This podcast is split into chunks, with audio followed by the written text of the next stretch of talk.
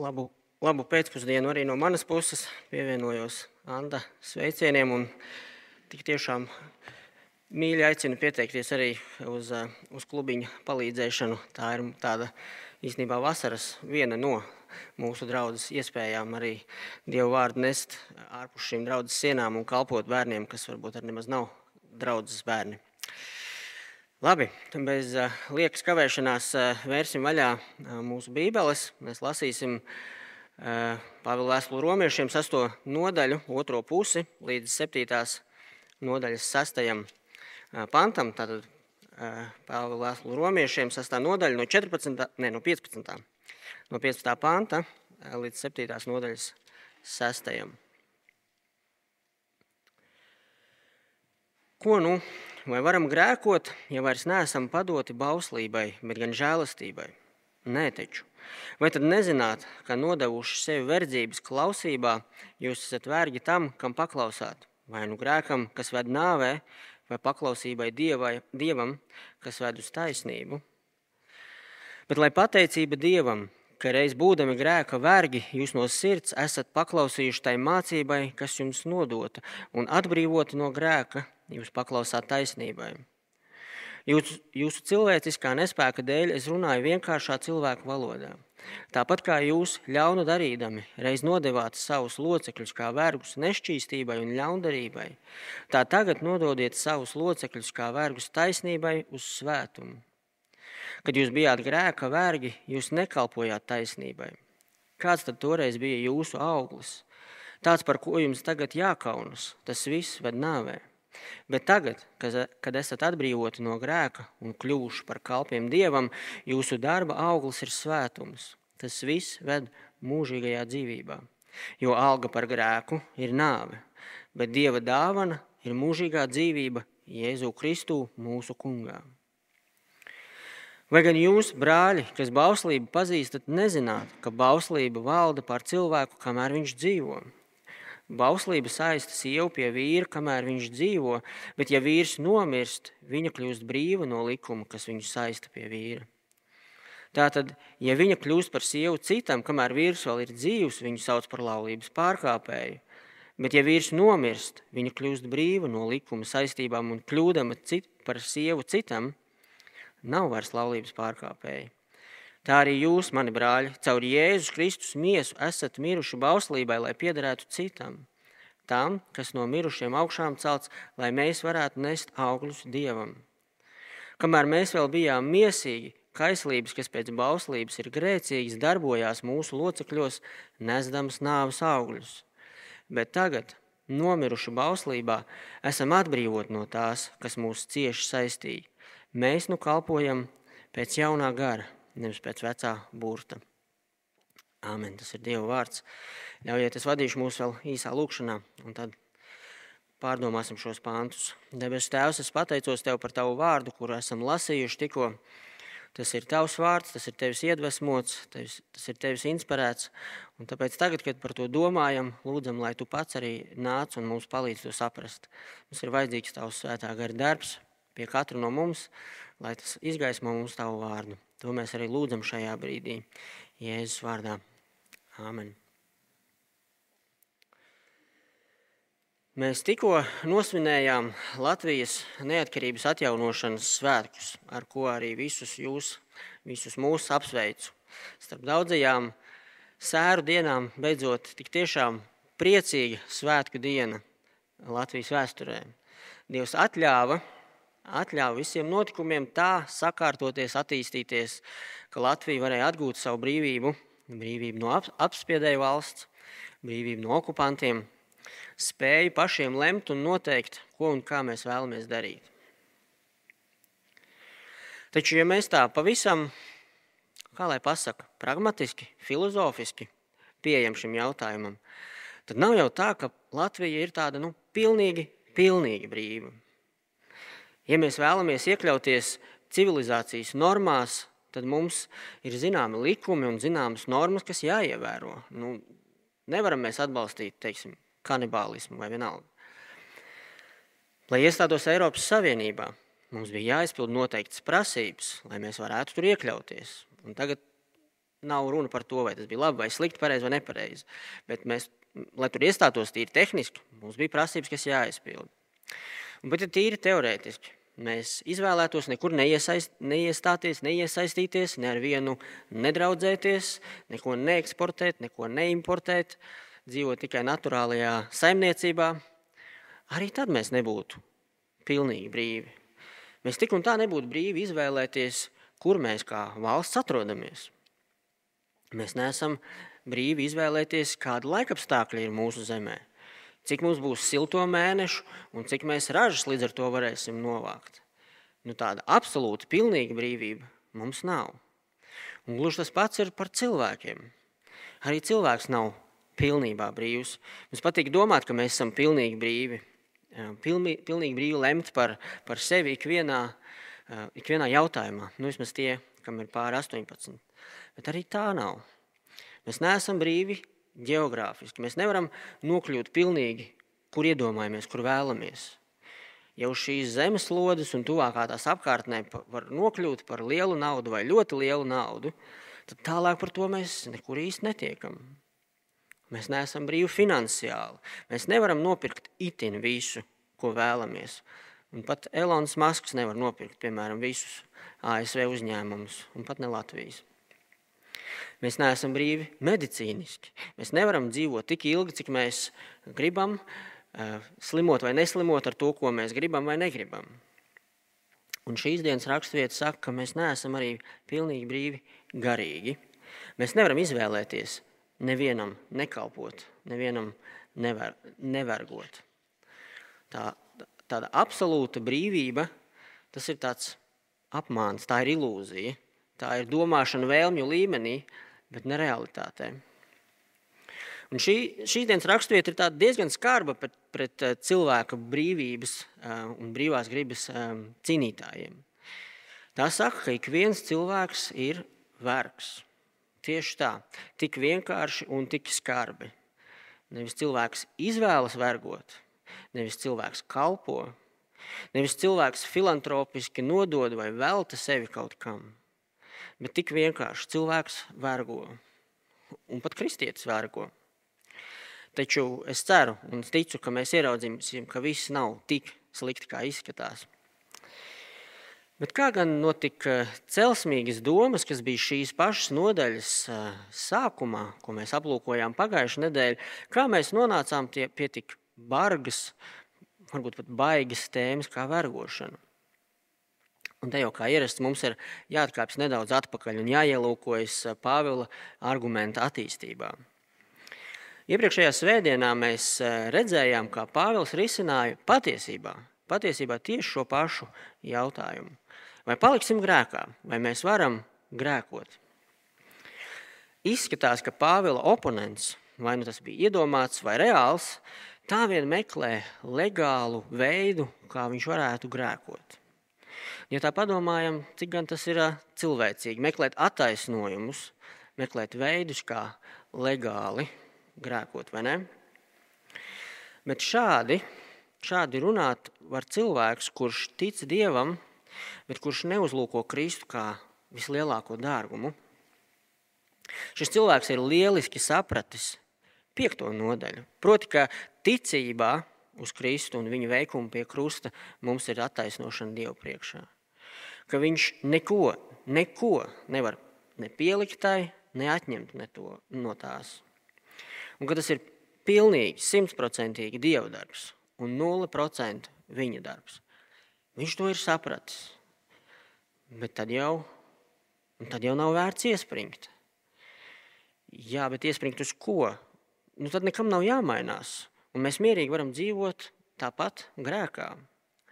Un šeit mums ir jāliek lielā sarkanā stopzīme. Šis cilvēks saprot, bet viņam nepielec.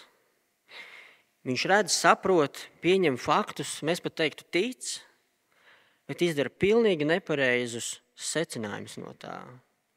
Ja A ir A un B ir B, tad A plus B ir C, bet šim cilvēkam neskapēc A plus B ir Ž. Viņam ir pilnīga taisnība, bet viņš ir nāvīgi kļūdījies. Tā runā cilvēks, kuram kristietība ir vienkārši ideju kopums, filozofisks, intelektuāls koncepts, par kuru ir interesanti domāt. Jā, tam pat varētu piekrist. Bet tā sirds, tā sirds visticamāk joprojām ir tā pati vecā. Nav notikusi šī, te, kā mēs pagājušajā nedēļā runājām, magnēta polaritātes maiņa. Nav notikusi sirds transplantācijas operācija. DNS nav nomainīts. Es saku visticamāk, jo var jau būt tā, ka kāds patiesas kristietis vai nu vēl nav nobriedis, vai ir izšaubīts kādā brīdī. Bet šāda attieksme tik tiešām liek uzdot ļoti nopietnus jautājumus par ticības īstumu. Kādēļ tu meklē veidus, kā grēkot, ja tu esi kļuvis par kristieti? Un tad nu, šis cilvēks jautā, nu, ja jau viss ir no Dieva žēlastības un ne no mūsu centieniem un pūliņiem, Ja jau mēs eh, neko nevaram izdarīt, tad jau mēs varam grēkot. Mēs taču Dievam izdarām pakalpojumu, jo mums grēkojot, vairāk Viņš izlaiž savu žēlastību. Dievs izskatās galu galā labāks un Kristus upuris vērtīgāks, vai ne? Pagājušajā nedēļā mēs redzējām, ka Pāvila atbild bija noraidoša, jo kristieša identitāte ir mainīta. Kristus nāves un augšām celšanās dēļ kristietis ir cits, viņš ir jauns radījums, um, miris grēkam, grēks nevalda pār šo cilvēku. Un tādēļ nevar kristietis grēkot, bet gluži pretēji ir jānodod sevi par dievu ieročiem. Sastās nodaļas pirmās puses atbild uz jautājumu, vai varam grēkot, ir nē, kristietis nevar grēkot, jo viņa identitāte ir cita. Šīs dienas Atbilde uz šo pašu jautājumu, vai varam grēkot, ir nē. Kristietis nevar grēkot, jo viņš ir zem citas autoritātes. Un šo atbildi Pāvils skaidro divos veidos, ar divām teiksim, tā, autoritātēm. Pirmkārt, par kristieti valda cits kungs, kuram viņš vergo, un otrkārt, kristietis ir saistīts ar citu vīru, izmantojot Bībeles lietotos vārdus. Un tekstā mēs to ieraugam caur šiem diviem pilnīgi, varētu teikt, vienādiem, bet retoriskiem Pāvila jautājumiem. Vai jūs nezināt? Citiem vārdiem sakot, jūs taču zināt, ka tas ir sastās nodaļas 16. pants, vai tad nezināt, ka nodevuši sevi verdzības klausībā, jūs esat vergi tam, kam paklausāt, vai nu grēkam, kas ved nāvē, vai paklausībai Dievam, kas ved uz taisnību. Un 7. nodaļas Pirmais pants. Vai gan jūs, brāļi, kas bauslību pazīstat, nezināt, ka bauslība valda pār cilvēku, kamēr viņš dzīvo? Tad nu sāksim ar to pirmo Pāvila prāta pašsaprotamo argumentu. Un uh, izlasīsim vēlreiz 16. līdz 18. pāntu.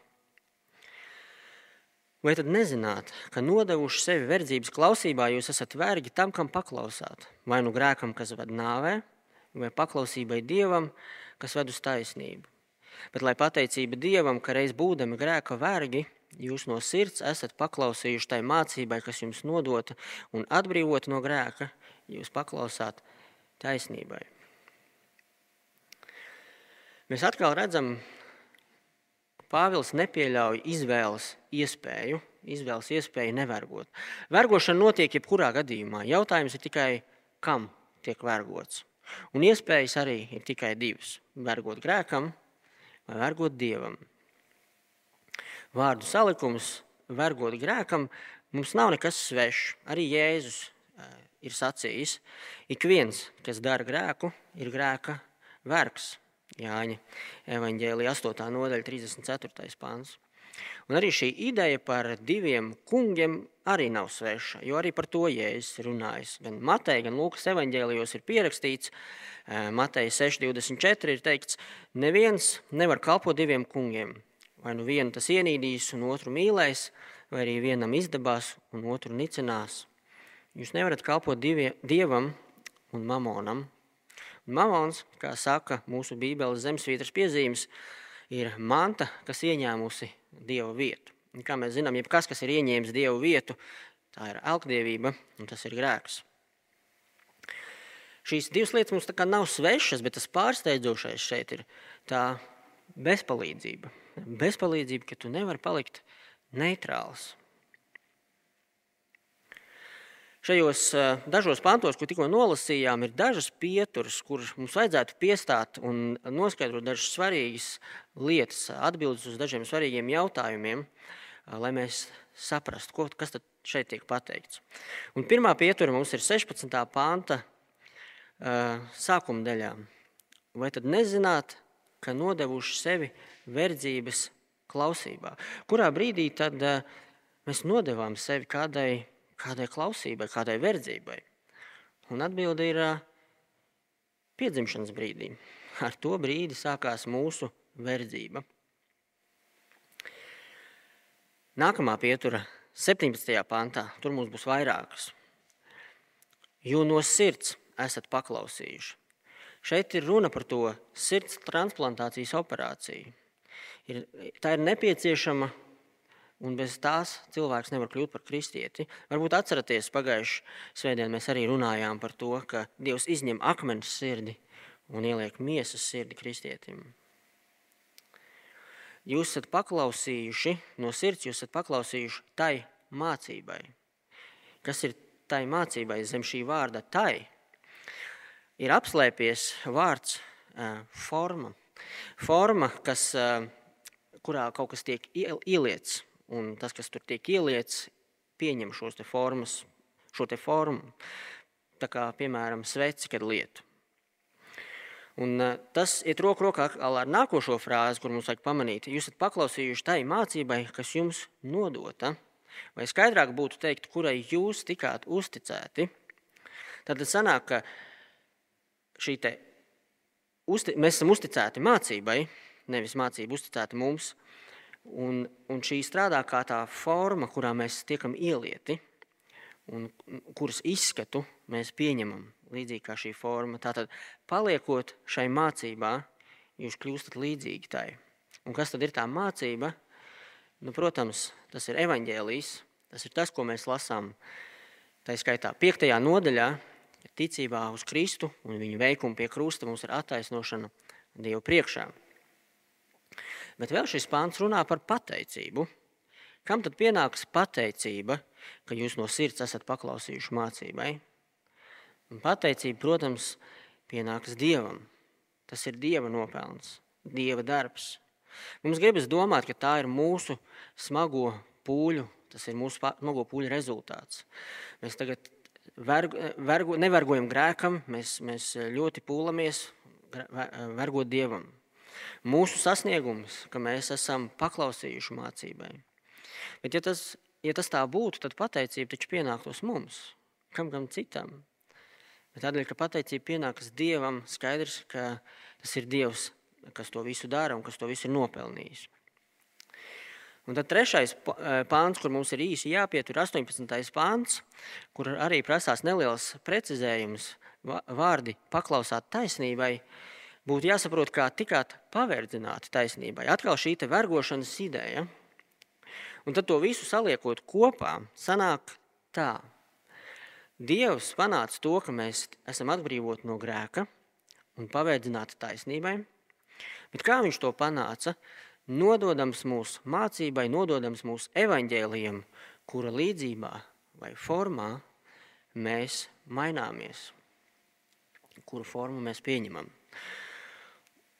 Un līdz ar to tas 16. pāns mums tiek atkodēts. Tas nerunā par to, ka mums ir smagi jānopūlās ar paklausību Dievam, lai nu gadījumā netīšām nesanāk tā, ka esam paklausījuši un vergojuši grēkam. Tas arī nenozīmē to, ka vienu dienu mēs vairāk grēkojam, vergojam grēkam, citu dienu vairāk Dievam, un tur vēl pa stundām viss mainās. Nē, 16. pāns runā par to, ka cilvēka paklausība vienam vai otram kungam parāda viņu lojalitāti un uzticību viņam, bet paklausību Dievam panāk Dievs pats, izpērkot savējos, savus ļaudis no vecā kunga. Jēzus ir samaksājis tavu cenu vecajam kungam, un tagad viņam, Jēzum, ir pilnīgas tiesības uz tevi, uz tavu kalpošanu vai vergošanu un uz tavu lojalitāti bet tavas lojalitātes un kalpošanas standarts ir ļoti augsts. Ieskatīsimies 19. pāntā. Jūs cilvēcīgā nespēka dēļ es runāju vienkāršā cilvēku valodā. Tāpat kā jūs ļaunu darīdami, reiz nodevāt savus locekļus kā vergus nešķīstībai un ļaundarībai, tā tagad nododiet savus locekļus kā vergus taisnībai uz svētumu. Tāpat kā jūs iepriekš vergojāt nešķīstībai un ļaundarībai. Kā tad jūs iepriekš, vai mēs iepriekš eh, kalpojām? Simtprocentīgi. Mēs bijām pilnībā nodevušies tai. Mēs bijām pilnībā nodevušies savam vecajam kungam, kurš vēlējās, lai mēs darām tikai ļaunu. Un pat ja mēs objektīvi izdarījām kaut ko labu, to tāpat pavadīja visticamāk netīri motīvi, un Dievam tie nebija pieņemami darbi. Efeziešiem otrā nodaļa, desmitais pāns saka, mēs paši esam viņa darinājums Kristu Jēzu radīt labiem darbiem, kurus Dievs iepriekš sagatavojas mēs, lai mēs tajos dzīvotu.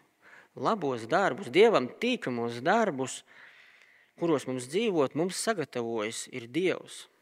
Tādēļ, ja mūsu autoritāte nav Dievs, bet vecais kungs Sātans, tad pat mūsu objektīvi labie darbi nav labi Dieva acīs. Bet tad lūk, ar kādu atdevi tagad ir aicinājums kalpot, vergot taisnībai uz svētumu. Tāpat kā nodevāt sevi grēkam, proti simtprocentīgi. Tā nododiet sevi tagad svētumam. Un te ir tas paradoks. Nevajag iespringt. Mēs nevaram neko ar savām pūlēm panākt bet vajag simtprocentīgi nodoties. Un tad tālāk Pāvils runā par vergošanas iznākumu, proti, augļiem. 20. un 23. pāns. Kad jūs bijāt grēka vergi, jūs nekalpojāt taisnībai. Kāds tad toreiz bija jūsu auglis? Tāds, par ko jums tagad jākaunas. Tas viss ved nāvē. Bet tagad, kad esat atbrīvoti no grēka un kļuvuši par kalpiem dievam, jūsu darba auglis ir svētums. Tas viss, viss ved mūžīgajā dzīvībā. Jo alga par grēku ir nāve, bet Dieva dāvana ir mūžīgā dzīvība Jēzu Kristu mūsu kungā. Tava vecā kunga vergošanas iznākums bija kaunpilns. Tas veda tevi nāvē. Vai tu joprojām to vēlies? Bet tava jaunā kunga vergošanas iznākums ir svētums, svētums, kas ved tevi mūžīgajā dzīvībā. Manuprāt, 23. pāns vispār ir pelnījis atrasties mūsu atmiņas plauktā līdzās Jāņa 3.16. Arī šeit varētu mēs teikt, ka ir dots kopsavilkums evaņģēlī vēstī, kuru arī vienkāršā veidā mēs varam pastāstīt otram. Jo alga par grēku ir nāve, bet Dieva dāvana ir mūžīgā dzīvība Jēzu Kristu mūsu kungā. Alga tas ir tas, ko tu saņem pēc nopelnītā. Tas tev pienākas. Turpretī dāvana tev nepienākās. To tev vienkārši iedod, un tu to vienkārši saņem. Tev pienāktos nāve, jo tāda ir grēka alga, bet tev Dievs dāvina mūžīgo dzīvību. Un te mēs sākam ieraudzīt to, ka ar to vergošanu jau nav tik slikti, kā sākumā varbūt likās. Atcerieties, mēs cenšamies atrast atbildi uz jautājumu, vai ir pieņemami grēkot, ja reiz dzīvojam žēlastībā. Un Pāvils saka, nē, jo kā gan tu to vari darīt, ja Dievs tevi ir izpircis no vecā kunga, no kunga, kurš tevi veda nāvē. Bet Dievs tevi ir nevien vienkārši izpircis, bet vēl vairāk viņš dāvina tev mūžīgo dzīvību.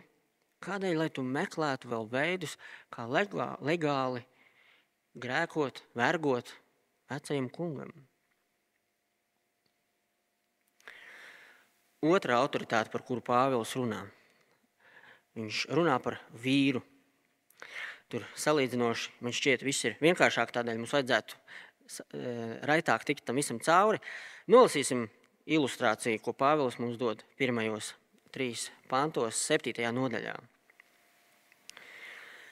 Vai gan jūs, brāļi, kas bauslību pazīstat, nezināt, ka bauslība valda pār to cilvēku, kamēr viņš dzīvo?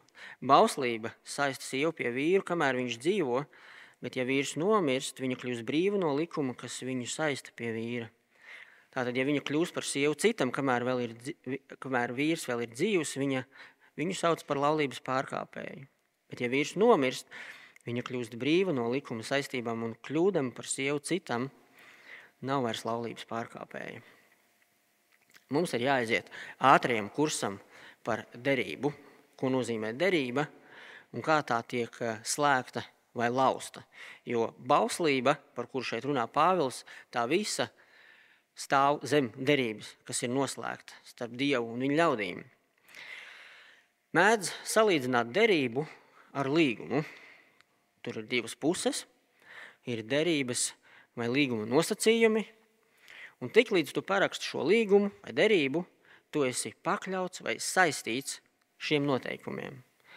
Tu noslēdz līgumu ar biti, vai Tele2, vai LMT, vai, vai varbūt vēl ar kaut ko citu par mobilā telefona sakariem. Un tad, kad tas ir parakstīts, abas puses ir atbildīgas par savas daļas izpildi. Bet ir viena ļoti liela galvenā atšķirība starp derību un līgumu. Ja līgumu tu vari kaut kādā iepriekš noteiktā veidā izbeigt, reizēm pat līgumos ir ierakstīts datums, kad šis līgums vairs nav spēkā, tad derību izbeigt nevar. Derība ir uz mūžu, un ir tikai viens veids, kā laust derību, un tā ir nāve.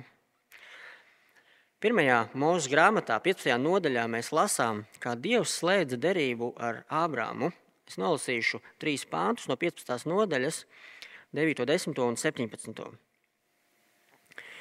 Un viņš, tas ir Dievs, Ābramam teica: Ņem man trīsgadīgu teli, un trīsgadīgu kazu, un trīsgadīgu aunu, un dūju un balodi. Un tas ņēma viņam šo visu, pārgriez tos vidū uz pusēm, salika gabalus kopā bet putnus viņš nepārgrieza. Un tad 17. pāns, un saule bija norietējusi, un bija dziļa tumsība, un redzi, krāsnes kūpēja, un starp gaļas gabaliem lodāja uguns. Šeit ir aprakstīts derības, šīs konkrētās derības slēgšanas rituāls. Un tas tā, tā arī noritēja. Tiek ņemti lopiņi, sadalīti uz pusēm, nolikti uz zemes, un tad abas derības, derību slēdzošās puses izgāja cauri e, šiem, te, šiem te noliktajiem lopiņiem, tādējādi sakot, ja es neizpildu savu derības daļu, savas saistības, tad lai ar mani notiek tā, kā ar šiem lopiem. Un tādēļ no derības izkāpt nevar. Lai izkāptu no derības, ir nepieciešama nāve. Laulība arī ir derība. Arī šo derību tā vienkārši nevar izbeigt. To nevar izbeigt nekā citādi, kā vienīgi ar nāvi. Ja tu pārkāp derību, tad lai ar tevi notiek kā ar šiem lopiņiem, un mēs atkal nonākam pie nāves. Tādēļ arī Pāvils izmanto šo kā ilustrāciju. Un ilustrācijas domā ir diezgan skaidra. Kamēr laulībā abas puses ir dzīves, tikmēr laulības derība ir spēkā, un ja kāda no pusēm aprec citu, otram dzīvam esot, tā ir laulības pārkāpšana. Jēzus skaidri to arī ir e, mācījis, piemēram, Lūkas evaņģēlī 16. nodaļas 18. pāns. Katrs, kas atlaiž savu sievu un aprec citu, pārkāpja laulību, un katrs, kas pret šķirtu no cita vīra, arī pārkāpja laulību. Bet tad, ja vīrs mirst, tad sieva vairs nav precējusies. Viņa var nesāt gredzenu, viņa var um, noslēgties no citām attiecībām. Visādi iemesli tur tam var būt, bet precējusies viņa vairs nav. Nāve ir pārtraukusi šo derību. Līdz ar to sieva ir brīva precēt citu vīri, vīru, un tā nebūs laulības pārkāpšana. Izlasīsim ilustrācijas skaidrojumu. Tā arī jūs, mani brāļi, caur Jēzus Kristus miesu esat miruši bauslībai, lai piederētu citam, tam, kas no mirušiem augšām celts, lai mēs varētu nest augļus Dievam. Kamēr mēs vēl bijām miesīgi, kaislības, kas pēc bauslības ir grēcīgas, darbojās mūsu locekļos nesdamas nāves augļus. Bet tagad, nomiruši bauslībā, esam atbrīvoti no tās, kas mūs cieši saistīja. Mēs nu kalpojam pēc jaunā gara, nevis pēc vecā burta. Vispirms mums ir jāievēro, ka šeit patiesībā Pāvils runās specifiski uz jūdiem. Pirmais pāns, 7. nodaļā, vai gan jūs, brāļi, kas bauslību pazīstat, nezināt? Ko šī vēsts nozīmēja jūdiem? Un pirms jūs atslēdzaties, jo mēs jau neesam jūdi, un tas jau nav par mums, lūdzu, palieciet eh, vēl šeit. Mēs nonāksim arī pie tā, kādēļ tas ir aktuāli arī mums. Bet iedomājieties jūdu, kurš paudžu paudzēs ir mācīts turēt likumus, baušļus. Un tā ir viņu izpratne, viņu sistēma, kā viņi veidoja attiecības ar Dievu. Tā bija viņu darāmā eh, daļa derībām kas bija slēgta ar, piemēram, Abrahamu, vēlāk ar Mūzu, ar Dāvidu. Bet, bet man, man tas ir jādara, jo citādāk es esmu ārā no derības. Un ārā no derības nozīmē nāvi. Jā, ārā no derības nozīmē nāvi, bet nāve jau ir bijusi. Kristus nāve tevi ir atbrīvojusi no šīs derības. Kristus nomira tavā vietā, lai tu būtu brīvs no šīs derības. Un šis jūts tagad var pilnīgi citādāku dzīvi veidot, nu jau kā kristietis. Viņš ir brīvs no bauslības saistībām. Bet ko tas tagad nozīmē? Vai šāds jūts var grēkot, jo viņš vairs nav pakļauts bauslībai? Tiem pašiem desmit baušļiem viņš tagad var zakt, viņš tagad var iekārot otrā mantu. Taču nē. Sestais pants, kurš diezgan bieži tiek pārprasts, Atbildu šo jautājumu nolasīsim vēlreiz. Bet tagad, nomiruši bauslībā, esam atbrīvoti no tās, kas mūs cieši saistīja. Mēs nu nekalpojam pēc, mēs nu kalpojam pēc jaunā gara, nevis pēc vecā burta. Mēs kalpojam pēc jaunā gara, nevis pēc vecā burta. Tev tagad ir dots cits kompas, kas norāda, kā dzīvot. Tas vairs nav bauslis, bet tas ir svētais gars, kas ir tevī, kas tevi vada. Tev nav vajadzīgs bauslis, lai pateiktu, ka tu nedrīkst zakt. Svētais gars tevī tagad, tevi tagad vada, un nu, tu to, tagad to zini. Tev nav vajadzīgs bauslis, lai zinātu, ka nevar iekārot otru mantu, nevar dievu vārdu nelietīgi valkāt. Jo caur svēto garu, kas ir tevī, tevi tas ir zināms, tev tas, tas jau ir tevī. Kāpēc tas ir svarīgi mums, kas neesam jūdi. Nu, pirmkārt, tas atbrīvo arī mūs no dažādiem cilvēcīgiem likumiem, kurus kādu mēdz uzlikt. Tev jādara tā vai šitā, lai tu būtu īsts kristietis. Otrakārt, tas attiecas uz uh, mums pašiem, uh, ka mēs paši sev neuzliekam nevajadzīgus likumus. Es dzirdēju par kādu draugu, kur, kur mācītājs atsāstīja, viņš bija tikko sācis tur kalpošanu, un viņš viņu draudzē tajā brīdī bija kā prasība draudzes locekļiem pilnīgi atteikties no alkohola. Un šis jaunais mācītājs, viņš saka, bet tas ir nebibliski. Un viņš saka, ka viņš gandrīz zaudēja savu darbu, un saprotams, kādēļ. Bet viņi strādāja pie šī teksta, un viņi pārformulēja to, un pārformulēja patiesībā vēl daudz radikālāk. Viņi teica, ka nedrīkst lietot un darīt neko, kas var paverdzināt tevi grēkam un kaitēt tev pašam, tavai veselībai, tavai miesai. Nu, es apmēram to, to pārfrāzēju. Svētais gars tevī tagad vada Un viņš ir daudz kategoriskāks, iespējams, kādās lietās par dari to vai, dari ne, ne, vai nedari to. Un treškārt, treškārt, tas vēlreiz parāda, ka patiesībā nav atšķirības starp jūdu un pagānu. Gan pozitīvā, gan negatīvā ziņā. Negatīvi mēs lasījām Romas vēstules 2. nodaļas 12. pāntā, kur ir teikts, ka kas grēkojuši bauslību nepazīdami, pēc bauslības arī ies bojā, bet kas grēkojuši zem bauslības būdami, pēc bauslības tik tiesātas. Abas grupas ir vienlīdz vainīgas un bezcerīgas Dievu priekšā. Bet pozitīvi, jūdu derība ir pagājusi. Mums tāda nemaz nebija, bet tagad kā viens tā otrs ir zem vienas derības, zem jaunās derības, zem svētā gara vadības. Ko tad mums ar to visu tagad iesākt beigu beigās? Un īstenībā šai raksturvietai pielietojums ir ļoti līdzīgs kā pagājušā nedēļā. Jo jautājums ir tāds pats un atbilde ir tā pati. Vai mēs varam grēkot? Nē, taču. Un arī šī ideja par savu locekļu nodošanu dievam, nevis grēkam, ir līdzīga abās raksturvietās. Mēs joprojām esam aicināti domāt par saviem locekļiem, kā tie kalpo dievam, kā kalpo mani pirksti, ko tie ņem, ko tie dara. Manas kājas, kur tās mani nes, mana mute, ko tā, par, ko tā pasaka. Par to jau mēs domājām arī pagājušā nedēļā. Bet mēs redzam, kā aiz tā praktiskā, redzamā, ka mūsu rokas kaut ko dara, kājas kaut kur iet, mute kaut ko saka, ir tā neredzamā daļa. Tā ir gan identitāte, pagājušās nedēļas raksturvieta, gan autoritāte, kurai tu esi pakļauts.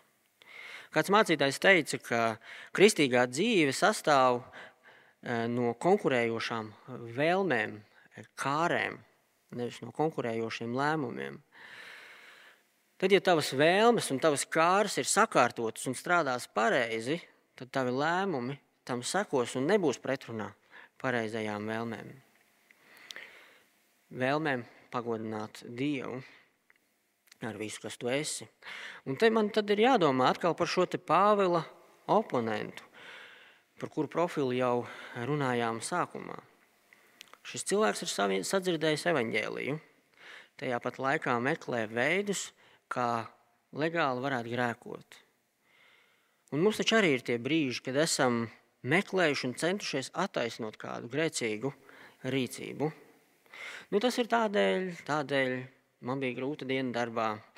Mans vīrs, mana sieva, mans priekšnieks ne tā uz mani paskatījās, mani bērni neklausīja, un tādēļ es rīkojos tā vai citādi.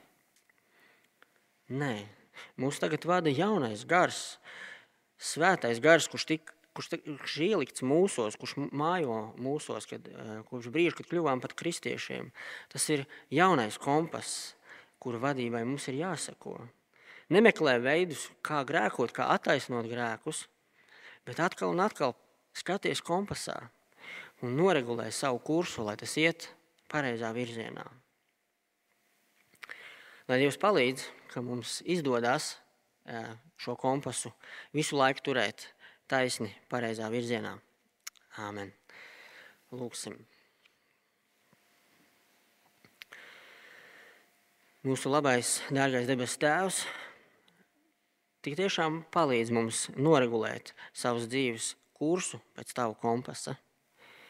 Palīdz mums pakļauties Tavas mācības formai, ka tā veido mūs tās līdzībā. Kungs dod spēku to ieraudzīt un iepazīt, un dod spēku tai arī paklausīt. Jēzus varenajā vārdā to lūdzu. Āmen.